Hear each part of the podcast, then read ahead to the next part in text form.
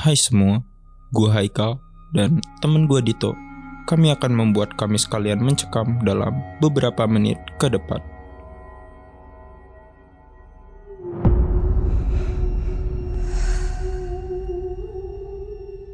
Cerita ini terjadi pada tahun 2019, tepatnya bulan Juli. Ada sekelompok siswa SMK yang mendapat tugas dari gurunya untuk membuat vlog. Tugas vlog ini adalah tugas individu. Namun, Ikhlas, Raffi, Ignatius, Indra, Ari, dan Rezi memutuskan untuk mengerjakannya bersama-sama. Mereka saat itu bingung untuk menentukan konten apa yang akan dipilih untuk dijadikan vlog. Di tengah kebingungan itu, Rezi menyarankan kepada teman-temannya untuk membuat konten horor.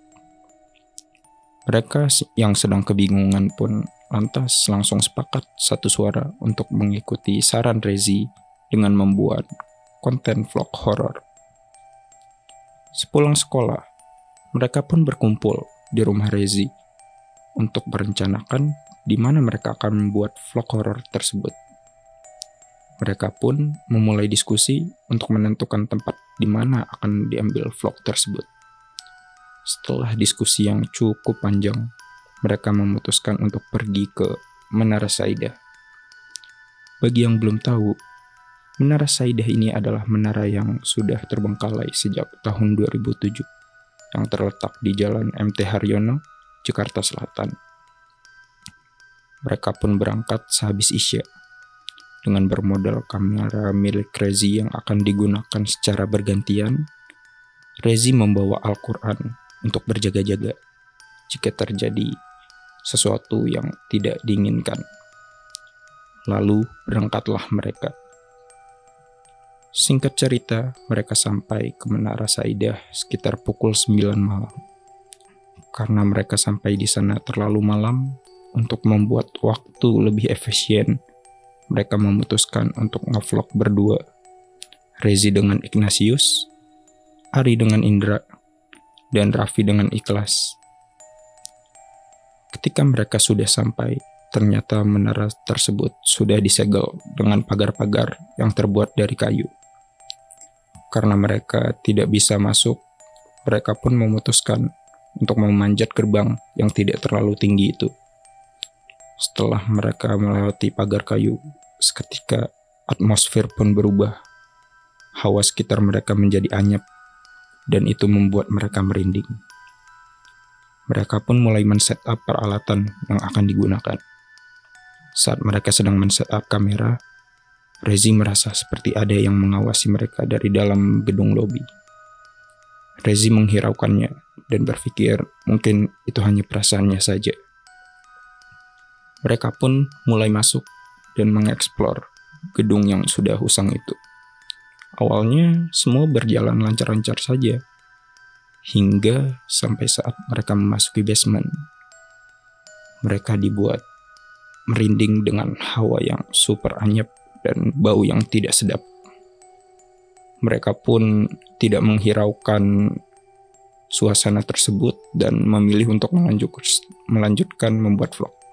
Semakin lama mereka berjalan menyusuri basement, mereka menemukan satu spot yang bagus untuk membuat ending dari vlog tersebut dan menyorotnya. Saat mereka tengah membuat ending, lagi-lagi Rezi merasa ada yang mengawasi mereka dari atap basement. Rezi yang merinding lantas menyuruh mereka untuk cepat-cepat mengakhiri tugas tersebut. Setelah mereka mengambil ending dari tugas vlog tersebut, mereka berjalan balik ke arah atas lantai satu untuk keluar. Namun, tiba-tiba ada sesosok manusia besar berbentuk lelawar. Mereka pun terkejut ketika berbalik. Pasalnya, mereka melihat sosok manusia besar yang menyerupai kelelawar dengan tinggi 4 meter, dengan taring yang panjang, dan mata yang merah menyala. Ia menyeringai di hadapan mereka.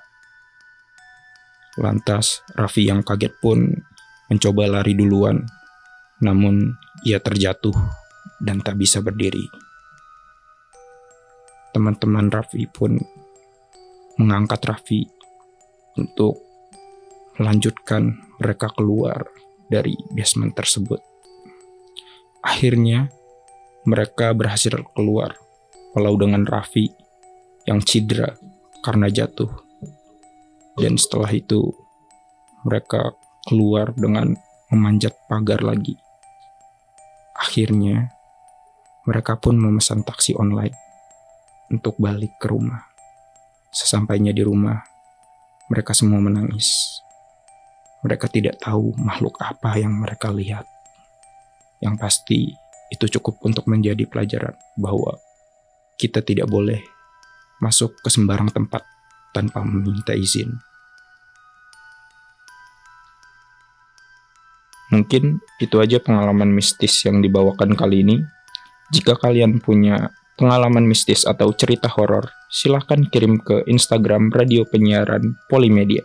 Akhir kata, gua Haikal pamit undur diri. See you in next episode.